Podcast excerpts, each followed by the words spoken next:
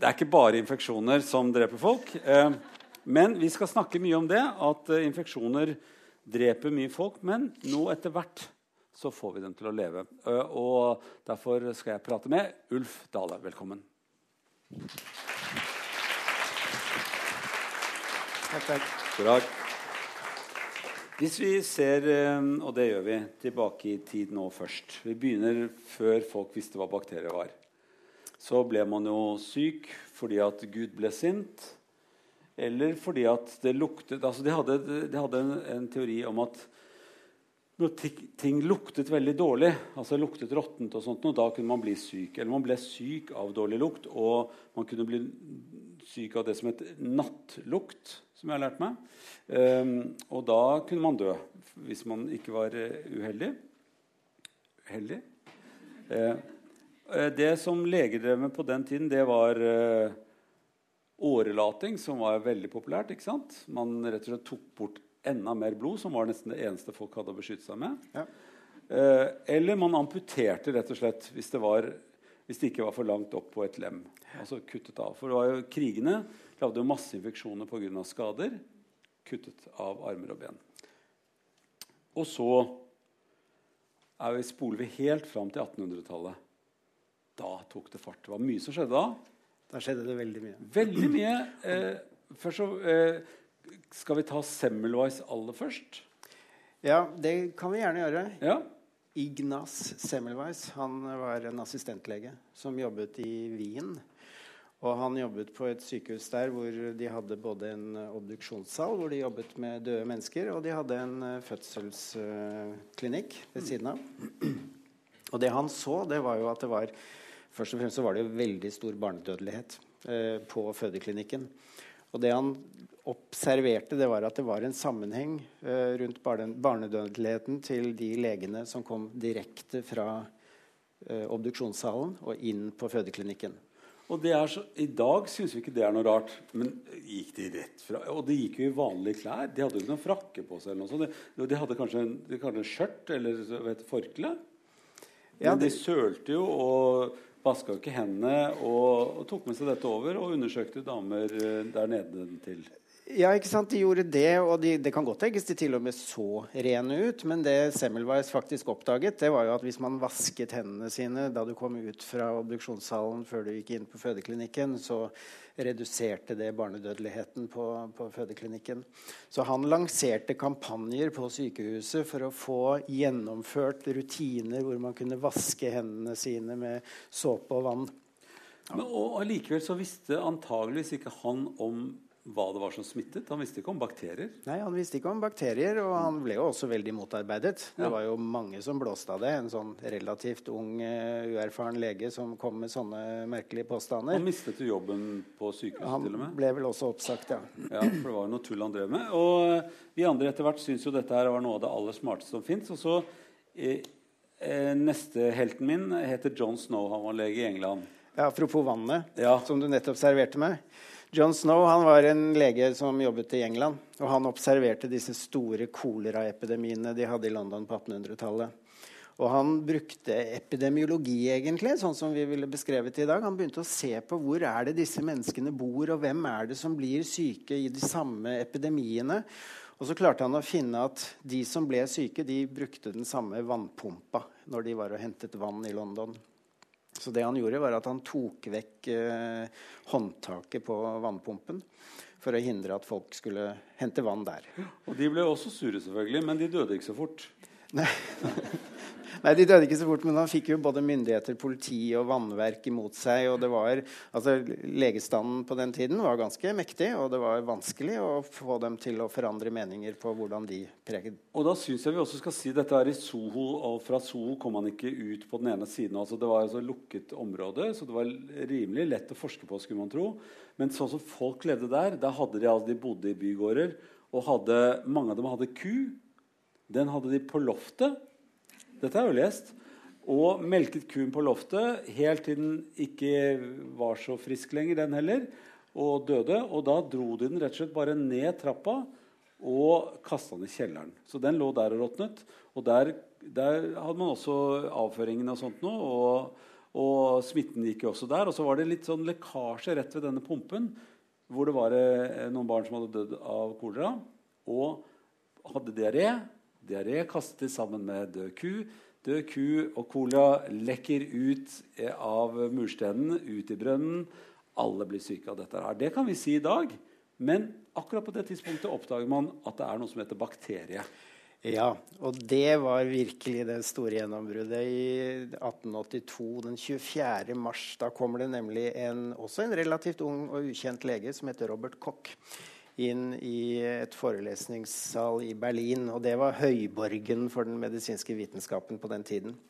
Og han kom inn, han hadde lina opp alle mikroskopene sine, prøverørene sine, farger og kjemikalier, og han klarte å overbevise medisinske Eh, myndighetene om at tuberkulose smitter ved hjelp av bakterier. Og det gjorde han ved å vise at det kunne gå inn i et dyr, og at man kunne gjenvinne den bakterien fra det syke dyret. Men han gjorde mye mer enn bare det. Det var jo i seg selv en sensasjon å klare å påvise bakteriene. Men det han også gjorde, var at han hadde utviklet en metode som gjorde at man klarte å farge forskjellige bakterier med forskjellige fargestoffer. Og På første rad i den salen der satt det en annen mann som het Paul Ehrlich.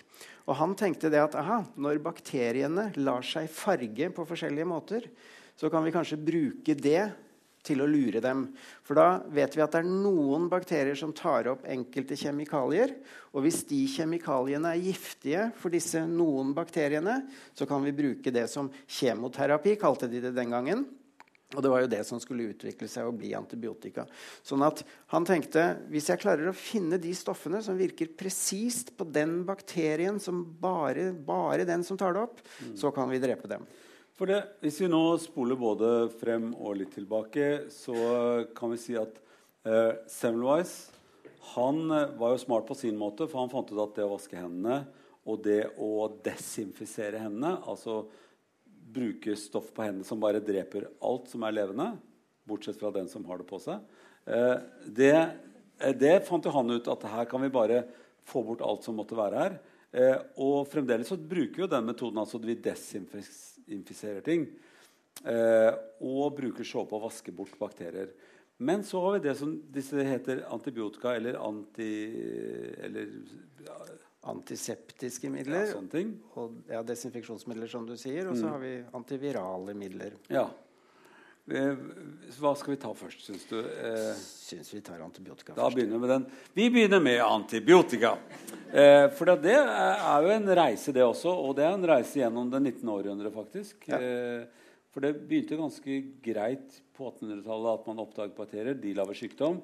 Men så var det jo litt verre å finne ut av hva man kunne drepe én og én bakterie med. da. Ja.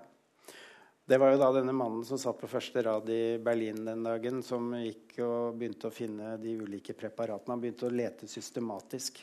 Og han fant et stoff som ble kalt salvasjan, som virket mot uh, syfilis. En kjønnssykdom som var ganske utbredt den gangen. Men den hadde veldig mange bivirkninger, så ville, ingen ville omtale det som antibiotikum fordi det i mange tilfeller så drepte det vel egentlig pasienten. Mm. Han fikk nobelprisen for det i 1908. Den siste setningen der er ikke bra. Eh, det hører du selv. Han drepte pasienten, og han fikk nobelpris for det. Ja. Nei, men han kurerte jo veldig mange år. Og det som er litt av saken her er at han veldig, når han fikk denne nobelprisen, så var han egentlig veldig skuffa og nedbrutt. fordi han, det hadde ikke kommet noen nye preparater, på tross av at han var så sikker på at dette her gikk an. Det som var den ledende troen den gangen, var at det å behandle infeksjoner det gjaldt å få immunforsvaret til å drepe bakteriene. Det var liksom helt utenkelig at man skulle begynne å blande kjemikalier inni kroppen på pasienten for at kjemikaliene skulle gjøre jobben. Og det å klare å snu den tankegangen, det var vanskelig. Mm. Men så fant man jo noe i Tyskland da, på 30-tallet. Og det var det som ble kalt sulfonamider. Sulfonamidene det var det også en, ja, som sagt, en tysker, det var Gerhard Domak i Bayer-industrien som uh, klarte å ta det i bruk og begynte å bruke det for å behandle infeksjonssykdommer. Og det var virkelig en revolusjon på 30-tallet. Ehm, den tok ikke helt av fordi amerikanerne var veldig skeptiske, og industrien slet med å klare å syntetisere og ekstrahere store nok mengder av dette her. Og så hadde vi jo, som mange har hørt om, en del sånne andre oppdagelser hvor Alexander Flemming oppdaget eh, penicillinet. Ja, her begynner det å lukte. Ja, nå, nå begynner vi å kjenne oss igjen. Ja, da blir det gøy. Og, ja, og det er jo det som er litt morsomt, da, det er jo sikkert mange som hadde sett det Flemming så tidligere, men de hadde ikke gjort noe med det. Han gjorde jo også en oppdagelse ved en feil, gjorde han ikke det? Jo, han dro jo på ferie uten å rydde opp etter seg. Ja. Og alle kollegene hans var litt sånn irriterte. Så han hadde bakterieskåler altså som de dyrket bakterier på. Så lot han dem bare ligge igjen, og så dro han hjem. Og når han kom tilbake da etter noen dager, så så han at det vokste mugg på disse skålene. Og rundt disse muggkoloniene så, så han at bakteriene var døde. Ja. Og det, I stedet for å rydde opp etter seg, så valgte han å studere det litt nøyere. Så en roteboks som tenker utenfor boksen, det er jo folk vi trenger i dag? Ja, ja. det er det. Og han klarte da å vise på ganske finurlige måter at dette her virket faktisk antibakterielt. Men det ble ikke tatt noe videre før, uh, før noen år senere. Og da var det Flory og Chain som kom inn og klarte å syntetisere eh, penicillin og klarte å vise hvordan det skulle doseres, hvilke, hvordan man kunne redusere bivirkninger, og, og, klarte å beskrive det på en litt mer systematisk måte enn mm. selve oppdagelsen. Så disse tre fikk jo sammen Nobelprisen for det. Men de ble glad, da, kanskje? Ja, de ble glad. Ja. Men, ja, det er fint. men industrien hang jo ikke helt med. Så industrien... Nei, det, tok lang, det, tok jo lang, tid før eh, penicillin liksom ble brukt allment. Ja. Uh, og før det, det, ble en måte å drepe bakterier på. Men så har det gått ganske fort. For nå, nå, har vi jo mange typer penicillin. Og det at man bruker mange typer penicillin på ulike typer infeksjoner, det har jo hjulpet oss veldig langt. Inntil vi oppdaget at bakteriene kan begynne å forandre seg. Eller vi, kan, vi får ikke drept de samme bakteriene som vi hadde tenkt med disse midlene. Altså eh, at det som vi kaller resistens.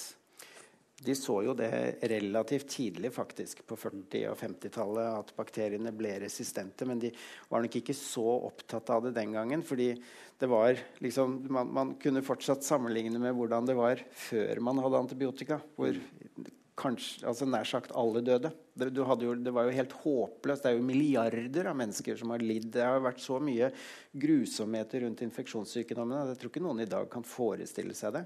Så det at, noen, eh, ikke, at det ikke virket på noen, det, det kunne de leve med. Men, men, så har vi jo sett i ettertid at dette her jo blitt et større og større problem.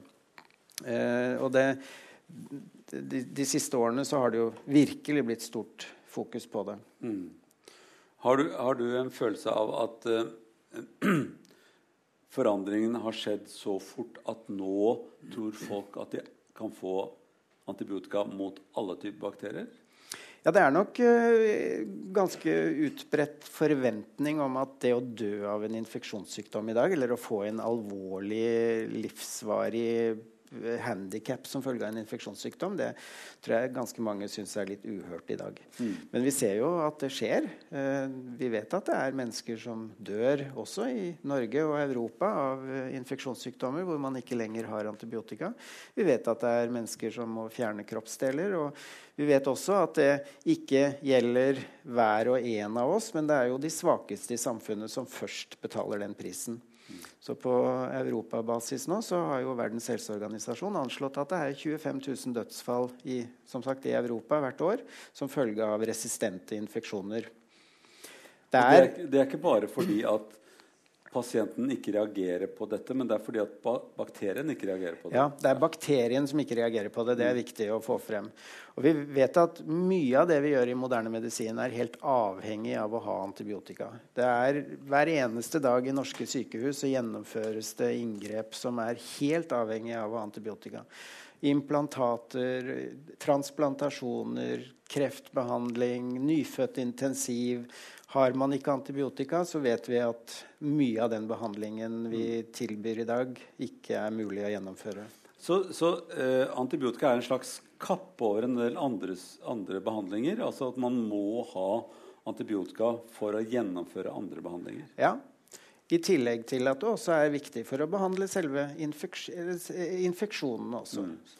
Men det laves eh, altså noen, en sårbarhet fordi at man gjør andre behandlinger som krever at vi har antibiotika som kan dekke over selve infeksjonen. Ja, ja. Uh, så, så, antibiotika er jo absolutt det. Det må vi passe på, for det trenger vi virkelig. Og vi må ikke misbruke antibiotika hvis vi ikke trenger det. Men allikevel så gjør jo vi det både av vannvare og fordi at vi kanskje ikke trengte det. Altså begge deler. At vi bruker antibiotika som egentlig ikke var nødvendig, og at vi bruker antibiotika som vi kunne klart oss uten. Uh, er det veldig utbredt, eller er det bare i avisoverskriftene? Liksom?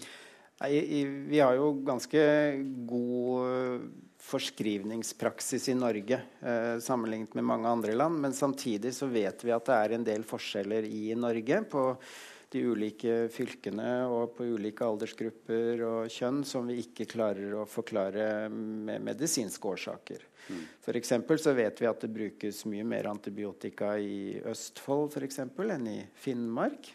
Uh, uten at vi har noe høyere forekomst av infeksjonssykdommer i Østfold enn i Finnmark.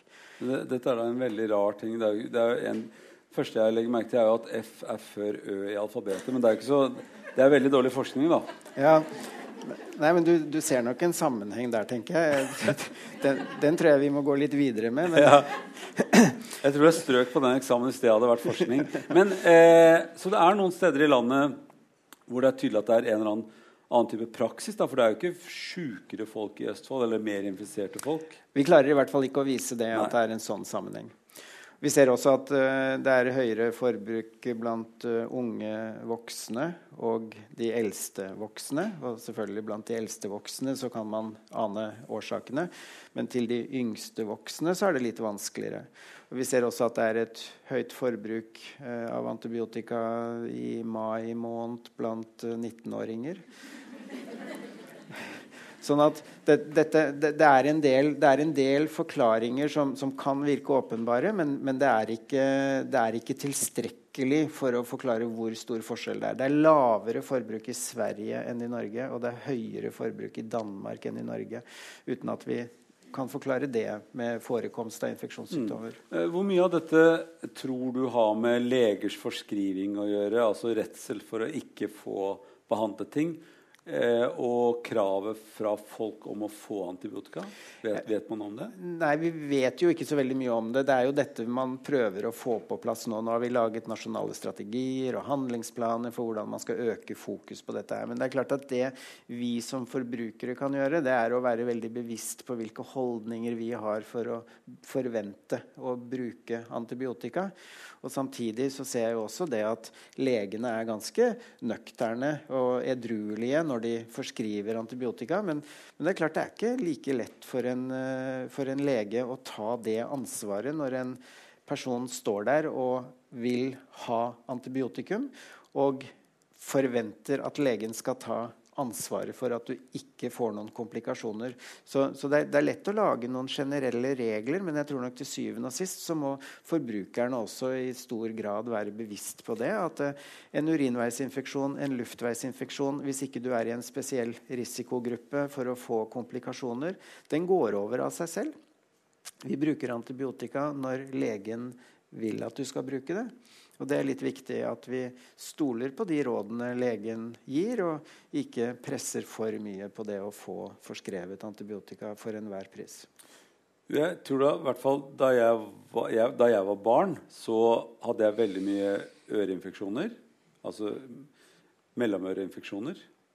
Uh, som var veldig vanlig på den tiden, tror jeg. Mm. Altså at man fikk ørebetennelse, ørebetennelse, og det fikk man i min familie veldig mye av. Jeg visste at det har vi i vår familie mye av. Og den trommen sprakk og sprakk, og eh, det kom noen hjem og stakk høl, og jeg måtte gå til noen og stikke hull. Det var helt forferdelig og vondt i øret. Men eh, da fikk jeg nesten aldri antibiotika. Og så ble det en tid hvor man fikk antibiotika. Og nå tror jeg igjen det er sånn at hvis man har en enkel øreinfeksjon, eller altså mellomøreinfeksjon, så vil man nok anbefale de aller fleste foreldre å gi smertestillende og håpe at det sprekker av seg selv. Det skal være god medisin. Men det er jo mange som gir antibiotika for det der òg. Er, er, dette en trend, eller er det en medisinsk vurdering? Hva, hva tror du? Nei, det, jeg tror det er en trend, men det bør være en medisinsk vurdering. Mm. Og det er jo det vi på en måte forventer at legene klarer å kommunisere, og at uh, pasientene klarer å respektere. Mm. At uh, det gjøres vurderinger som, som, tar hensyn til risikoen individer løper for å få en, en komplikasjon av den øre, ørebetennelsen det kan jo spre seg ikke sant, og sånne ting. Så, så det er viktig at, uh, at, alle er ganske trygge på at uh, det vil bli ivaretatt, det vil bli fulgt opp, det vil kunne gå over av seg selv, og at du ikke nødvendigvis må ha antibiotika for enhver pris. Mm. Det er jo vanskelig å se på barn som har det vondt. da. Det er klart det at det grusomt, presset ligger på Du sa jo alternativet, som var mm. smertestillende. Mm. Det har vi jo sett i urinveisinfeksjonssammenheng. at uh, man, altså Har man en ukomplisert urinveisinfeksjon, så vil man kanskje bli frisk med antibiotika én dag raskere enn om du ikke hadde fått antibiotika. Og så sier jo mange ja, men det er jo så grusomt vondt. Ja, men du får faktisk akkurat samme smertelindring ved å ta en Ibux. Uh, så, så, så hvis, man, hvis man skal behandle smerten, så bruker man smertestillende. Hvis man skal behandle infeksjonen, så bruker man antibiotika. Men noen ganger så blir dette blandet litt sammen, og så snakker man opp Men de har jo så vondt, og de må jo få antibiotika. Mm. Men da har man blanda kortene litt. Det hørtes litt ut som et eh, legeproblem, ikke som et pasientproblem. Ja, det gjør det. Og kanskje også et kommunikasjonsproblem. Ja. Men ja da, et legeproblem. Ja. Eh, kan du da, for å reklamere mer for Ibux e og mindre for eh, antibiotika for urinveisinfeksjoner, vil du si noe om hva som kan, man kan påføre en pasient som, som, som bruker antibiotika øh, når det er unødvendig? Ja, vi vet jo at den bakteriefloraen vi har på og i kroppen vår, blir jo også påvirket av at vi tar antibiotikum. Tarmen vår er full av bakterier som vi er helt avhengige av å ha der. Og huden vår er full av dem, og vi har dem i munnen og vi har dem i alle mulige åpninger på, og ikke-åpninger på kroppen. Eh, og når vi tar en antibiotikakur, så vil vi eh, redusere antallet av de følsomme bakteriene. De dør. Mm. Og så vil antallet av de bakteriene som er motstandsdyktige mot dette antibiotikumet, øke i antall. Så vi forrykker floraen. Og så vet vi ikke da hvor lenge dette vil vare hos et individ. Eh, vi vet at bakteriefloraen blir forandret, men vi er ikke helt sikre på hvor lenge. Eh, men så er det sånn at når hele samfunnet, hele jordbruket, hele matproduksjonen, hele industrien, hele kloden sant, bruker mer og mer antibiotika, så vet vi at det vil hopes opp, og vi vil plukke ut, altså selektere mer og mer resistente bakterier. Ikke bare i det ene individet som tar antibiotikaen, men også eh, ellers i, i, naturen. Og det er jo det vi har sett. At forekomsten av resistente bakterier den har økt. Og vi ser det er en dramatisk økning bare fra en, en sånn femårsperiode som de siste fem årene. Så ser man hvordan det øker, og hvordan det kommer først gjerne i, i Syd-Europa, hvis vi tar Europa for seg først. Så, og så ser vi at for år etter år så sprer det seg lenger og lenger nord. Mm. Og, og, nå er vi jo kommet i en sånn problematisk situasjon også i Norge.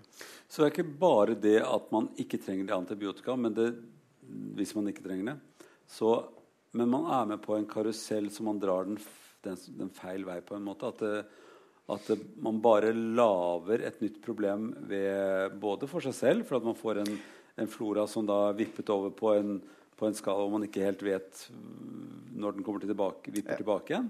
Og, og, og man lager det av, kan bli et del av en verdensproblem på en måte. Ja, det er riktig. Det, det er jo viktig å få fram det at eh, det, er jo ikke sikkert at du blir helt kvitt det heller. Hvis du selekterer da, disse resistente bakteriene, så har bakteriene mulighet for å overføre sånne gener til hverandre. Så hvis det er én bakterie som har funnet at aha, dette her var et fint gen å ha når dette antibiotikumet er til stede, den er blitt resistent, så kan den gi det til naboen sin. Og så, så vet vi at Eh, du vil ha det en stund, men det kan tenkes at du faktisk vil ha det lenge. Og så en gang i fremtiden, når du får en annen kompliserende sykdom, så kan det bli et problem.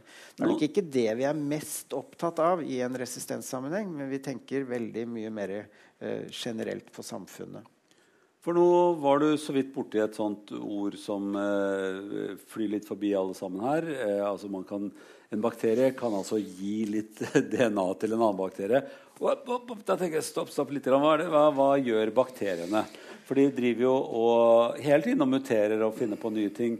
Og både de gode bakteriene og de dårlige bakteriene sier Nei, har du prøvd dette her? Og jeg, det gikk fint for oss, og vi ble en veldig fin familie av dette her. og sånt nå. Så både gode bakterier og dårlige bakterier driver med akkurat det samme, nemlig ja. lever et bakterieliv. Ja. Så, og i det, og, og, vi driver og muterer, vi også som mennesker. Bare tar så fryktelig lang tid før vi, det syns. For vi er jo altfor få, og vi holder på i tusenvis av år før vi forandrer oss. Hva er det disse bakteriene driver med, som du eh, nå snublet så vidt borti, som heter mutasjon? Hva er det for noen ting? Bakterier muterer, hva gjør de? De, de gjør jo egentlig feil når de kopierer DNA-et sitt. Og så blir det forandringer. Altså En bakterie deler seg og blir to bakterier. Riktig. Og da skal de også uh, ta opp denne glidelåsen som heter DNA, og lukke den igjen på en ny måte. Altså de skal dublisere seg selv. Ja. Og i den dubliseringen så kan det skje feil. Alle steder, også i DNA. Og da kan det bety noe, og kan ikke bety noe. Ja. Er det riktig? Det er riktig. Og så er det milliarder av bakterier. Ja. Så da, da skjer Kjenn det jo på det ordet. Milliarder, milliarder. av bakterier. Skjært ord. Ja, det, sånn nei, I forhold til antall mennesker millions, så er det millions, Ja, det er mye, altså. Men, men da skjer det jo veldig mange feil. Og de fleste feilene de merker aldri vi noen ting til. De, for disse bakteriene blir borte igjen. Eller kanskje de oppstår som en ny art hvis det er et eller annet som er veldig vellykket. Men så er det sånn at noen av de feilene de vil også kunne føre til at bakterien tåler antibiotikum. Mm. Og hvis det er antibiotikum til stede da, så får den bakterien en fordel. Og da får den plutselig plass til å formere seg videre og dele seg videre. Og så kan du få flere og flere resistente bakterier. For det er jo et, et overordnet prinsipp i verden. Hvis det er noen som finner på noe nytt, og de får det bedre, så begynner andre å ape. Altså det, det, man, de som får det bedre, de får det bedre, rett og slett. Ja. Og de kommer foran noen andre. Og de som lager noe som er dårligere, de får det dårligere. Ja. Det er, ikke noe verre enn det. Nei, det er ikke noe verre enn det. Nei. Er du heldig og gjør en feil som, uh, som blir bra, så mm. beholder du den. Ja, Og da kalles du lottomillionær i vår kultur. ja. eh, så, sånn at det fins altså sånne ting. Og det, jeg, jeg, må ta med én ting til, og det er at man tenker jo på eh, at bakterier eh, formerer seg, og det gjør vi mennesker òg. Vi bruker jo lang tid på å formere oss. Men en bakterie formerer seg hvor fort? Hvor fort? Ja, en generasjonstid på 20 minutter, f.eks. Ja, der har vi det! 20 minutter, så er det dobbelt så mange bakterier ja. av alle. Og i løpet av den tiden så klarer de å finne på nye ting òg. Så det det er, et hektisk liv. Og, og får ikke du slått på datamaskinen en gang på 20 minutter. Så det går fort, altså. Så, så eh, det å, å, mutere og lage nye bakterier, det i løpet av et døgn så er det jo mange forsøk. Mm. Eh, og dette holder de på med. Dette holder de på med. Ja. Og så er det jo det, det som er bekymringsfullt, da, det er at når de treffer ved en tilfeldighet på denne resistensmekanismen som blir en fordel, da beholder de den og så gir de den til andre. Det er det. Så de andre som ikke har prøvd seg frem og ikke har gjort den feilen, de, på en måte, de lærer litt av den som gjorde feilen. Men du fortalte, du, du fortalte meg en snedig ting, eh, at de kan rett og slett gi bort DNA til andre bakterier. Det driver ikke vi med. Nei.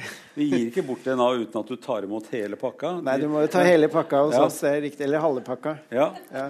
Det var veldig, veldig obskurt sagt, men altså det er greit, for disse går i videregående, mange av disse her. Eh, men så disse bakteriene de kan også lage en slags uh, tunnel over til en annen bakterie. Ja, De lager og, et sånt rør. Ja, Og de kan gi ting i det røret. Ja. Det, var, uh, det, var, litt nytt for meg, og gøyalt. Uh, og, og, sånn at Man kan ikke være helt trygge på bakterier hvis de treffer andre bakterier på et sted hvor det er mange mennesker som har mange bakterier som de sender til andre mennesker. Og altså, Det mennesketetthet og, og smitte det er helt essensielt her. For at de skal treffe andre. Det er jo Litt sånn viktig egentlig for bakterier, fordi de deler seg på en annen måte enn oss. ikke De, der er det én foreldre som blir til to barn. Og dermed så krever det De må få inn noe nytt DNA innimellom, eller så, ellers så blir det ikke noe forandring. Da blir det ikke noe utvikling i livet. Så for dem er det ganske viktig å prøve sånne nye kombinasjoner. Og det gjør de. Og når de da får til det, så har de også mulighetene for å dele dette nye DNA-et sitt. Eller for så vidt det gamle òg, for den saks skyld. Men dele det med, med, andre i nærheten. Og dette her gjør de til og med ved å kommunisere litt sammen. Fordi de produserer noen sånne små kjemikalier som gjør at alle de som er i omegn, slår på disse mekanismene samtidig. Sånn at de kan spre dette DNA-et seg imellom og til flere samtidig. Det er ganske kult. De snakker sammen. Det syns jeg var veldig veldig forstyrrende i mitt hode. Kan bakterier snakke med hverandre? Altså Sender de små ja. lapper til hverandre? Ja, de, de, de sender signalmolekyler. Ja, Det er gjør, lapper i mitt hode. Ja, Det kan du små godt lapper. si. Ok, Det er ja. små lapper til hverandre ja. som gjør at alle slår på den samme interessen samtidig. Mm. Enten ved at de skal begynne å vokse i sånn biofilm og lage sånn belegg, eller at de skal uh, slå på en eller annen sykdomsfremkallende mekanisme. Så de, de har eh, peptider, som det heter, som de sender til hverandre, lapper, som gjør at de jobber sammen for å få en større effekt av det de gjør. Ja. Så disse er noen snedige kamerater og uvenner på samme tid for vår kropp også, for naturen. Nei, De er jo ikke mot naturen, de, er jo, de er jo, leker jo bare bakterier uansett. Men de, vi er ikke så glad i noen av dem, at de driver med dette her, da. Hvis vi kan dø av det. Nei, det er ikke sant, for det er jo noen av disse her som gjør oss syke. Ja. Og det er jo de vi ønsker å bli kvitt. Og det er litt av poenget her. at vi, og det, For så vidt det samme med, med, med, den feilaktige bruken av antibiotika. Det er jo den vi vil bli kvitt. Vi vil jo ikke bli kvitt all bruk av antibiotika. Det er litt viktig å huske på at det er riktig å bruke antibiotika i mange tilfeller. Og det er viktig å ha bakterier både på kjøkkenbenken og på hendene våre og i tarmen vår og på huden. Men det er de sykdomsfremkallende eller de store mengdene vi vil bli kvitt. Ja, for vi er jo litt avhengig av å omgås bakterier hele tiden. Ja. Og vi er avhengig av å lære oss bakterier vi ikke skal bli syke av. Altså, vi driver jo hele tiden og smittes, og immunapparatet vårt funker og lager antistoffer. Og, og det, vi ikke, det vi ikke trenger av denne type infeksjoner, altså prøve prøveinfeksjoner, det, det, det hjelper jo f.eks. vaksiner oss med. Nå har vi snakket mye om vaksiner her forrige gang, men eh, det er jo en viktig sånn resistens- og bakterieforebyggende og sykdomsforebyggende det rett og slett en modell for å, for å, å slippe å bruke antibiotika. Det er jo å ja, få vaksiner. Jeg er helt enig i det. Vi har jo liksom mange smitteforebyggende tiltak som vi er alle egentlig ganske godt kjent med. Men vi tenker ikke så mye over dem lenger. Men, men, de kan jo summeres opp på en måte i to. Det ene er hygiene, mm. og det andre er uh, vaksiner. Det er de vi som individer kan gjøre noe med.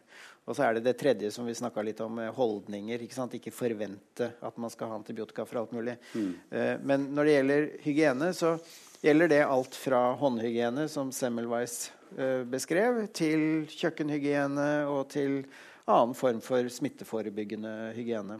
Men eh, det må jo være litt skittent også. Da jeg prøver å reklamere litt for skitt også. For det er, jo, det, er jo, litt fint å være litt skitten og så bli veldig ren. Ja, det er sant. Og vi har hatt en litt sånn overdreven holdning til hygiene i lang tid. Og da begynner man å se på ulempene ved det. ikke sant? Og det kan gå på allergier og på en del andre sånne ting som ikke er knyttet direkte til infeksjonssykdommene. Mm. Så, så alt, alt, med måte, men man skal være veldig bevisst på hvordan man forholder seg til hygiene. Og det tror jeg de fleste i Norge er. Men kan vi ikke bare si det veldig, for det er jo mange som hører på dette her. Eh, hva er viktig med hygiene?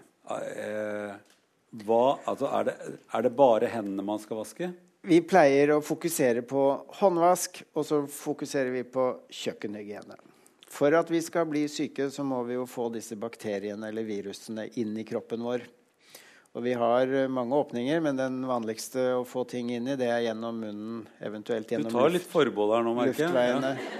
Det er greit. Har du, begynte du å telle? Nei, nei, nei. Jeg bare hørte at du ble litt sånn eh, forbeholdaktig og bare tok munnen. Men eh, vi, vi, vasker, vi vasker, hendene våre, for der putter vi veldig mye ting inn i kroppen vår. Ja. Vi, vi, vasker hendene våre fordi ellers så sprer vi jo smitte både på det vi putter i vår egen munn, og når vi hilser på andre, og når vi tar på andre, og det opp i øynene og Og det er jo greit å smitte seg selv stort sett.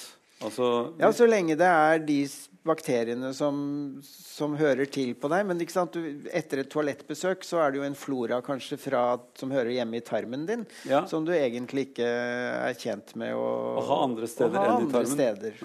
Å få den i en, en E. coli fra tarmen i øyekroken f.eks., det behøver ikke være bare gunstig. Nei. Så vas, vask, vask deg der òg. Ja, for, for, altså, av hensyn til andre så bør man jo vaske seg, men av hensyn til seg selv også. Altså, ja. Rett og slett for ikke å flytte for mye bakterier rundt som ikke trenger å flyttes. Ja. Og du, så, så, nummer to sa du det, Nå har vi snakket nok om å vaske hendene sine. Eh, eh, det andre er eh, det, kjøkkenbenken. Hvorfor det, det, var det så viktig? Kjøkkenbenken er jo der du legger maten din som du skal spise. Og det er ikke Altså, smitte er jo ikke bare direkte på det Altså fra smittekilden til mottakeren, men det kan også være indirekte via et annet produkt. Via en kniv, via en kjøkkenfjøl eller en kjøkkenbenk. Sånn at når vi vet at vi har forurensninger på kjøkkenbenken og legger mat som ikke skal varmebehandles der, så kan disse bakteriene du har der, overføres til maten. Mm. Og der vet vi at kjøtt det har ofte bakterier på overflaten. Derfor så skal vi varmebehandle kjøtt. Og så vet vi da at når vi legger den biffen på kjøkkenbenken, så kan det være bakterier, sykdomsfremkallende bakterier som blir igjen på kjøkkenbenken. Og hvis du da etterpå står og skjærer opp fetaosten din der, eller salaten, eller noe sånt, så, så, risikerer du å få det over eh, Og det skal ikke så mye til skjønner du, for noen av disse bakteriene før du blir syk. Det kan være veldig veldig små mengder. Men uten å, å eh, få diagnose fordi man er så nøye med alt mulig, eh, så går det an også å si at Jeg har ikke det, jeg, altså. Nei, nei. Tror jeg. Nei, så det, alt med måte er på en måte Men man, man, man, må være ganske renslig på kjøkkenet også. Ja, renslig med seg selv og renslig på kjøkkenet. Jeg tror våre besteforeldre var mye flinkere med kjøkkenhygienen enn ja. vi er i dag. Fordi vi har jo en industri nå som er veldig flinke til å gi oss trygge produkter. Men samtidig så skal vi ikke ta det for gitt at vi ikke kan bli syke av maten. Vi vet at det er mange mennesker som blir syke av maten i Norge hver eneste dag. Og Det er det viktig å huske på, at vi kan redusere den risikoen. For Selv om det ikke er dødelige sykdommer bestandig, så er det ikke så innmari gøy å ligge hjemme en uke med oppkast og diaré heller. Det... Nei, ellers takk. Og, og det, det, har jo ikke alltid heller vært sånn at man får ren mat på spisesteder. Nei. Det har, er det jo blitt veldig mye skjerping på. Altså, man tenker på på slutten av 1700-tallet, hvor den første restauranten ble eh, opprettet i, i Frankrike så, så ble, het den jo restaurant fordi at den restaurerte magen. Så det var rett og slett et suppekjøkken som ble laget i Paris, som het Restaureringsstedet. Og det var fordi at da var man pga. restriksjoner med hvor man kunne lage mat, så måtte man ta maten og lage det på spesielle steder. Og der var det kjempegris, selvfølgelig. Så folk ble jo så mye dårlige av å spise mat på spisesteder. Og da gikk de til suppekjøkkenet, hvor de kunne restaurere maven sin igjen. Så det, og så spredde, spredde jo dette her seg etter hvert, når, når man tok uh, livet av hele overklassen i Frankrike. Uh, kalte vi den franske revolusjonen. Uh, og da fikk jo de jobb i England og flyttet alle disse tjenerne som ikke hadde noen herrer å, å være på slottet til lenger. Og så ble altså kjøkken- og restaureringsklubben eh, eh, spredd over flere kontinenter. Det syns jeg er litt sånn gøyal ja, Synes det er veldig gøy. Og litt artig. Ja, det. Eh, men det er ikke alle steder jeg har oppdaget dette eh, ennå. Eh, jeg har også vært i, og hatt veldig mange venner som har vært eh, på spisesteder i India. Og jeg aldri hørt noen komme fra India uten diaré. Så det er ikke alle steder i verden hvor kjøkkenhygienen er så bra som den er her i Norge på. Nei, det er sant. Men vi har jo hatt fokus på dette her i mange hundre år. Første, noen av de første lovene og reglene vi kjenner, er jo fra 1100-tallet, og, og hvor, hvor, det var regler på hvordan man hadde lov å, å tilberede mat, hvordan man hadde lov å oppbevare dyr. Og vi vet at på 1400-tallet, mener jeg, uh, så innførte dronning Margrethe dødsstraff for å selge bedervet fisk. Uh, og jeg har enda ikke klart å finne ut om det noen gang ble praktisert. Nå var fisken død, og så ble du død. Det var, det var et veldig trist uh vi fikk opprettet regime. disse sunnhetskommisjonene i mange handelssteder og byer rundt om i Norge på 1700-tallet. Og de ble til, videre til helserådene, og som har blitt til de ulike tilsynene vi har i dag. De gikk jo rundt og kontrollerte at maten som ble solgt, var, var intakt. Og hadde du en okse med tuberkulose, så var det forbudt å selge den som mat. Hva skulle man selge den som da? Nei, ikke sant? Du kunne ikke selge den som mat. i hvert fall. Som isolasjon? ja. Kose... Det var ikke den du hadde på loftet. Men, Men, det eh, veldig mange gjorde, var jo at de, de skjulte dette. De, mm. de, kuttet av bakparten og solgte det som biff, og så lagde de pølser og pureer og puddinger og sånt da, for forparten. Det er ikke så godt å tenke på. Eh, men eh, når du har sagt det, og jeg har sagt det om India, så skal jeg si at man kan spise mye god og ren mat i India også. Men nå flytter jo folk mye på seg.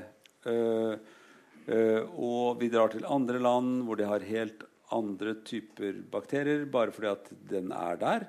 Og øh, veldig ofte så tenker vi når vi skal dra langt, da må vi jo kanskje ta noen ting med oss, eller øh, vi må vaksineres på forhånd. Og, øh, og, så tenker vi ikke sånn på at vi både tar med oss bakterier og tar med oss noen hjem, og flytter bakteriene rundt omkring på hele jordkloden nå. Mm. er det med på å også importere bakterier som er resistente andre steder fra? Ja, det er det. Og det har vært vist både i Norge og i Sverige og i mange andre sammenlignbare land at vi, vi, vi, blir, vi, blir, bærere av eh, også resistente bakterier fra disse andre landene når vi kommer hjem.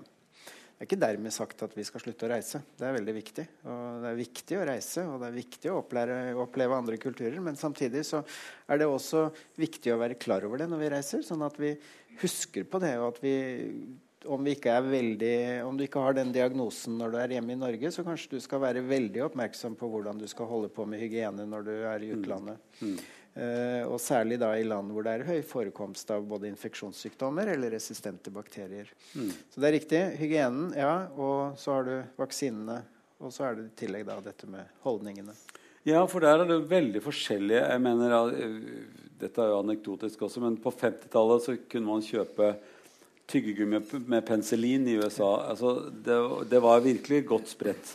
Eh, men det gjorde jo også at man, man misbrukte eh, et legemiddel på den måten. Eh, eh, er det sånn at man står i fare for å, å, å få for mye Altså komme, komme i et miljø hvor det er resistente bakterier pga. misbruk av antibiotika andre steder i verden? Er det, er det noen verstinger her? Er det noen steder i verden man bruker fryktelig mye mer antibiotika enn det man behøvde? Ja, det er det jo. Eh, og man bruker jo antibiotika til ikke å behandle infeksjoner. Fordi antibiotika har en rekke andre virkninger òg. Det får f.eks.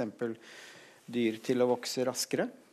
Så det brukes som vekstfremmere i en del land. Og så brukes det i utstrakt grad for å forebygge infeksjoner i land, i stedet for å prøve å f.eks. fokusere på dyrevelferd. Eh, Snakker du bare om dyr akkurat nå? Nei, nå snakker jeg Jeg, ikke, jeg kjenner ikke til tilfeller hvor man bruker antibiotika for å få mennesker til å vokse fortere. Men det er, ikke, det er ikke umulig, det heller. Ja, men, Virker det sånn? Nei, det tror jeg ikke. Jeg har ikke hørt om det. skjønner du. Nei, ikke jeg heller. Men eh, ja, det var, det var veldig beroligende. For, Så jeg, jeg, snakker om dyr, ja. ja. Dyr, dyr som, som, får antibiotika rett og slett For å vokse seg store av andre grunner enn at de er syke. Og raskere. Ja. Så det blir billigere å produsere store mengder kjøtt. Så i USA vet vi at det brukes mye sånt. I Norge brukes det veldig lite antibiotika til dyr. Under 10% av det forbruket vi har til, eh, av antibiotika i Norge, brukes til dyr. Så det er menneskene som bruker mesteparten her. Og for det er jo Én ting er å bruke antibiotika på syke dyr på en eller annen måte. Men brukes det til forebygging Altså nå har vi, vi har jo øh, har jo hørt om at det gis til laks, f.eks. Altså i merder og sånt nå. Gjøres det i Norge også? Nei, det ble jo slutt på 90-tallet. Tidlig ja, på 90-tallet. Da ble ja. det slutt på det. Og det er jo dessverre Det henger ved som en sånn uh, vondt uh, mareritt. Ja. Uh, at fiskeindustrien i Norge den sluttet på 90-tallet å bruke antibiotika. På tross av at industrien, eller produksjonen har eksplodert på de årene så har ikke forbruket av antibiotika i fiskeindustrien endret seg. Den ligger nesten på null. Det er nesten helt sånn neglisjerbart. Hva skjedde? Jo, de begynte å vaksinere fisken. Ah. De, bruker vi antibiotika mot mot, som forebyggende i, i, dyreindustrien i Norge? Vi, nei, vi gjør ikke det. Vi, det har jo vært litt diskusjon rundt dette med narasin og hvordan skal det defineres til kyllinger. Til ja. kyllinger. Mm. Hvordan skal det defineres? Men, men, nå har jo industrien da valgt å i stedet for å å fortsette den diskusjonen, så har de valgt at de bare utfaser det. Og der mm. har de ganske positive resultater på å få det ut av også narasinen. Men i andre land hvor vi importerer mat fra, så bruker de jo antibiotika? Brukes det antibiotika, det er riktig. Og vi vet at også i land eh, som Nederland f.eks. så brukes det mye antibiotika i dyreindustrien, i kjøttindustrien. Og, øh, og vi ser at det er en direkte sammenheng mellom forekomst av øh, resistens i disse landene som bruker mye antibiotika. Øh, både for så vidt til mennesker og dyr. Men én ting er å tenke på det som det, det, går jo an å både lese om og forestille seg hvor aldeles forferdelig vi mennesker driver og produserer dyr til å spise. Eh, og det tar vi et annet program. Ja. Men det går allikevel an å tenke at man blir jo redd for å spise en del av disse, eh, disse importerte mattypene som, som, har vært utsatt for, for antibiotika på denne måten. Ja, er dere redd for det i, i, dine avdelinger der inne i Folkehelseinstituttet? Jeg syns ikke det er riktig å si at man skal være redd for det. Men det er Nei. klart man, man, skal være bevisst kanskje på hvor maten kommer fra. Og vi vet at uh, er det mat som kommer fra land hvor det er høy forekomst av resistens, så er det viktigere å tenke på at uh, denne maten skal jeg passe ekstra godt på når jeg tilbereder, så jeg ikke blir smittet enten av direkte sykdomsfremkallende bakterier eller av resistente bakterier som kan skape et problem for meg en gang i fremtiden. For det er jo ikke sånn at du må bli syk av å smittes med resistente bakterier. Du, den lille andelen som kommer hjem fra India uten å ha fått diaré, de kan jo ha med seg resistente bakterier, de også, som kan spres til din syke bestemor eller din kreftsyke pappa. ikke sant? Og, eller til deg selv en gang du blir dårlig. Mm. Så man er med på å flytte bakterier på veldig mange måter for tiden. Ja.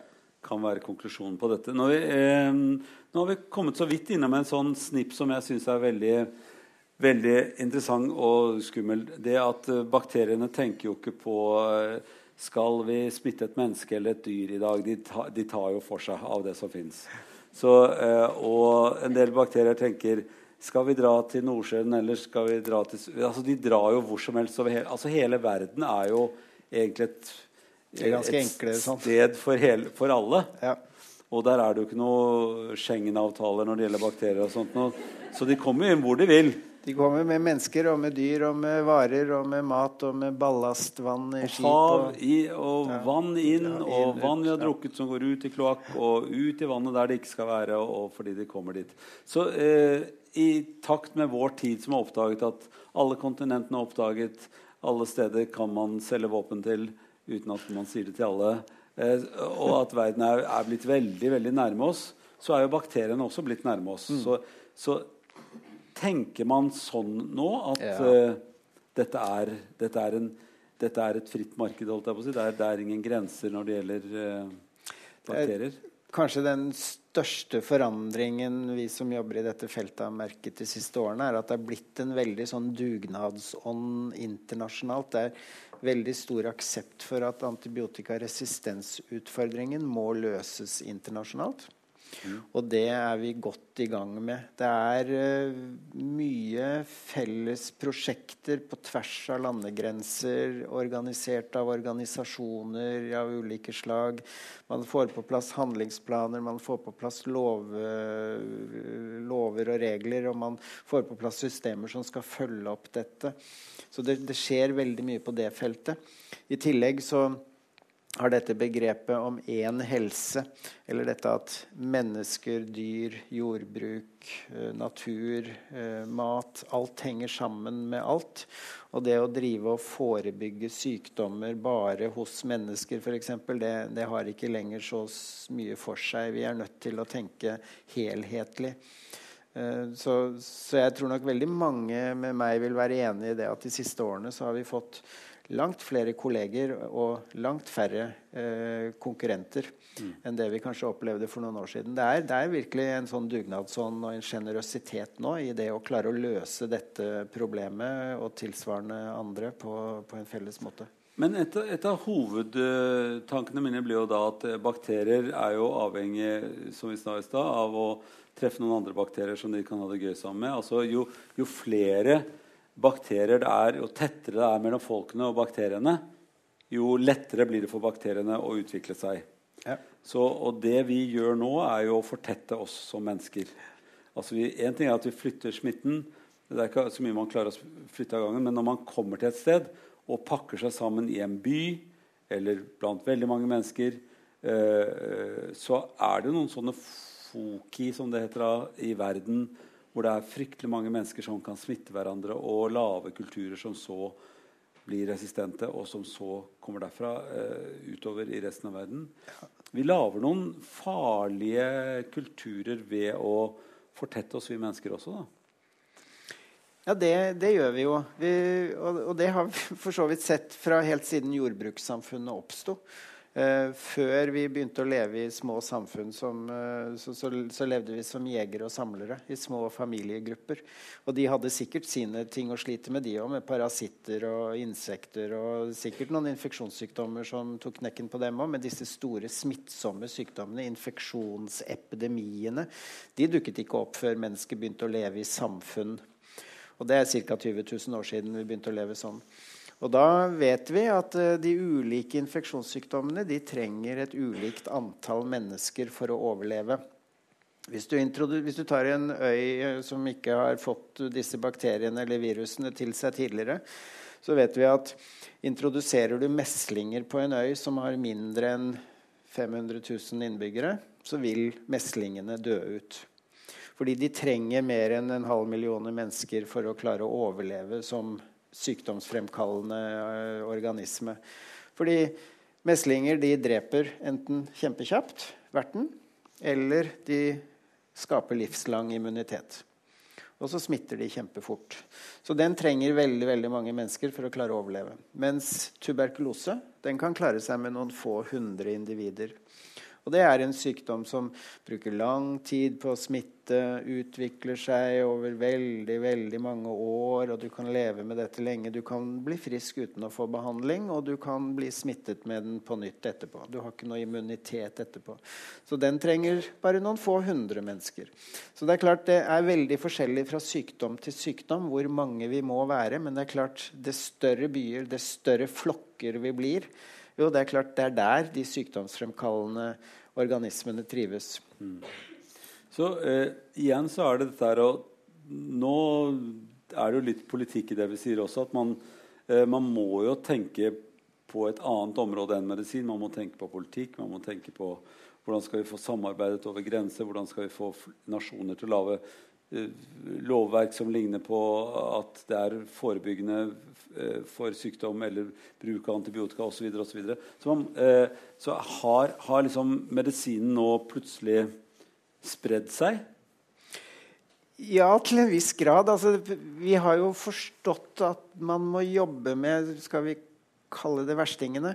Mm. De som ikke er like flinke til å ta smitteforebyggende arbeid på alvor, og som ikke er like flinke til å ta forskrivningspraksis på alvor, og, eller, eller, ha sanksjoner mot de apotekerne som gir blaffen og selger og pusher antibiotika f.eks. Det, er, det er der det er viktig å fokusere nå. ikke Man, man, må ha det på plass, samtidig som man ikke tillater at vi som er ganske flinke, ikke, ikke lar det glire ut her.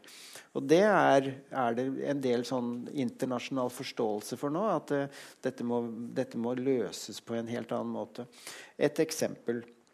Eh, for å få utviklet nye antibiotika så har det vært noe som industrien har fått ansvaret for. Legemiddelindustrien har investert masse penger for å utvikle et nytt antibiotikum. Når de endelig har klart å få inn et nytt antibiotikum, så skal de selge minst mulig av det. Det er ja, ikke lett. ja, for de har jo lyst til å selge mest mulig av det. Ja, du får jo ikke med deg noen investorer på det. Skal vi investere masse penger, og så skal vi ikke selge det? Mm. Uh, og, og, og, det er jo kanskje mye av grunnen til at det de siste 30-40 årene ikke har blitt utviklet noen nye antibiotika.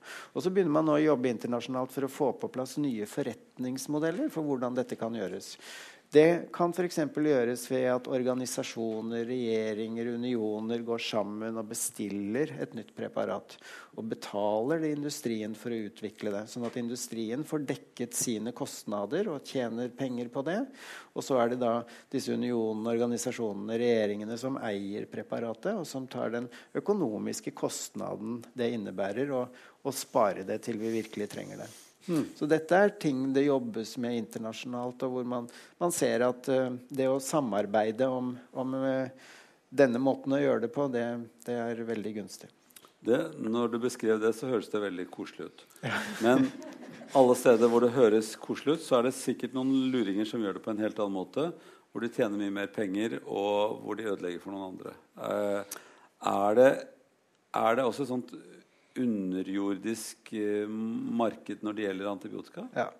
Illegalt marked. Så går veldig fort. Ill, ja, nei, men det, det, Dette er ganske Det, det finnes i, også i, i nordeuropeiske land. Jeg, tror, jeg, vet ikke at det finnes i Norge, men jeg vet at det har vært avslørt noen sånne fabrikker i England f.eks. Hvor man produserer antibiotikum, man selger det, man lager kopipreparater. Eh, og så er det kanskje det aktive stoffet som er det kostbare, så man reduserer litt på mengden av det, eller kanskje man ikke tilsetter det i det hele tatt. Eh, og vi vet at eh, ja, dette har jo til og med Leger uten grenser slitt med når de har vært i Afrika i, i noen sammenhenger og har fått eh, illegale eller kopilegemidler som, som, viser seg å ikke være effektive nok. Mm. Vi vet at eh, også i, jeg har samarbeidet med en eh, kollega i Nigeria i forbindelse med det å behandle tuberkulosepasienter der, hvor ikke alle pasientene får dekket kostnadene for medisinene på, uh, av, av, av, helsevesenet. De må betale det selv. Og, og, så drar de da til nabolandene og kjøper medisinene som er rimeligere der. Men de har ikke råd til å kjøpe til alle. Så de kjøper da én dose, og så deler de den på familien hvor, hvor, alle er syke. Sånn at alle får en halv dose eller en tredjedels dose. Som altså Kjempeproblemer. Ja, og som kanskje også ikke virker. Så, ja, men Det virker jo ikke hvis du har tatt Nei, altså hvis du tar for lav dose. Ja. Nei, ikke sant? Det stimulerer jo faktisk til resistens. Usch, nei, jeg er veldig veldig glad for at dere i Folkehelsen tar av disse problemene, for de blir større og større jo mer jeg prater med deg. Men kan, kan vi nå spole helt tilbake til uh, oss én uh, og én som sitter her? Eh, det vi skal huske på, er sånn som jeg hører deg. Vask hendene dine. Eh, ta vaksinene dine. Og ikke bruk mer antibiotika enn det du behøver. Og vær litt skeptisk overfor leger om de pusher deg, eller om du klarer deg uten. Altså Ikke press legen din til å gi deg antibiotika. Ja. Eh, og hvis han sier jo, men det skal du bruke, så skal du bruke det. Da skal du bruke det. Eh, Syns du dette var fine råd? Du var veldig flink å oppsummere. Og tusen takk, og tusen takk for at dere kom. Mm.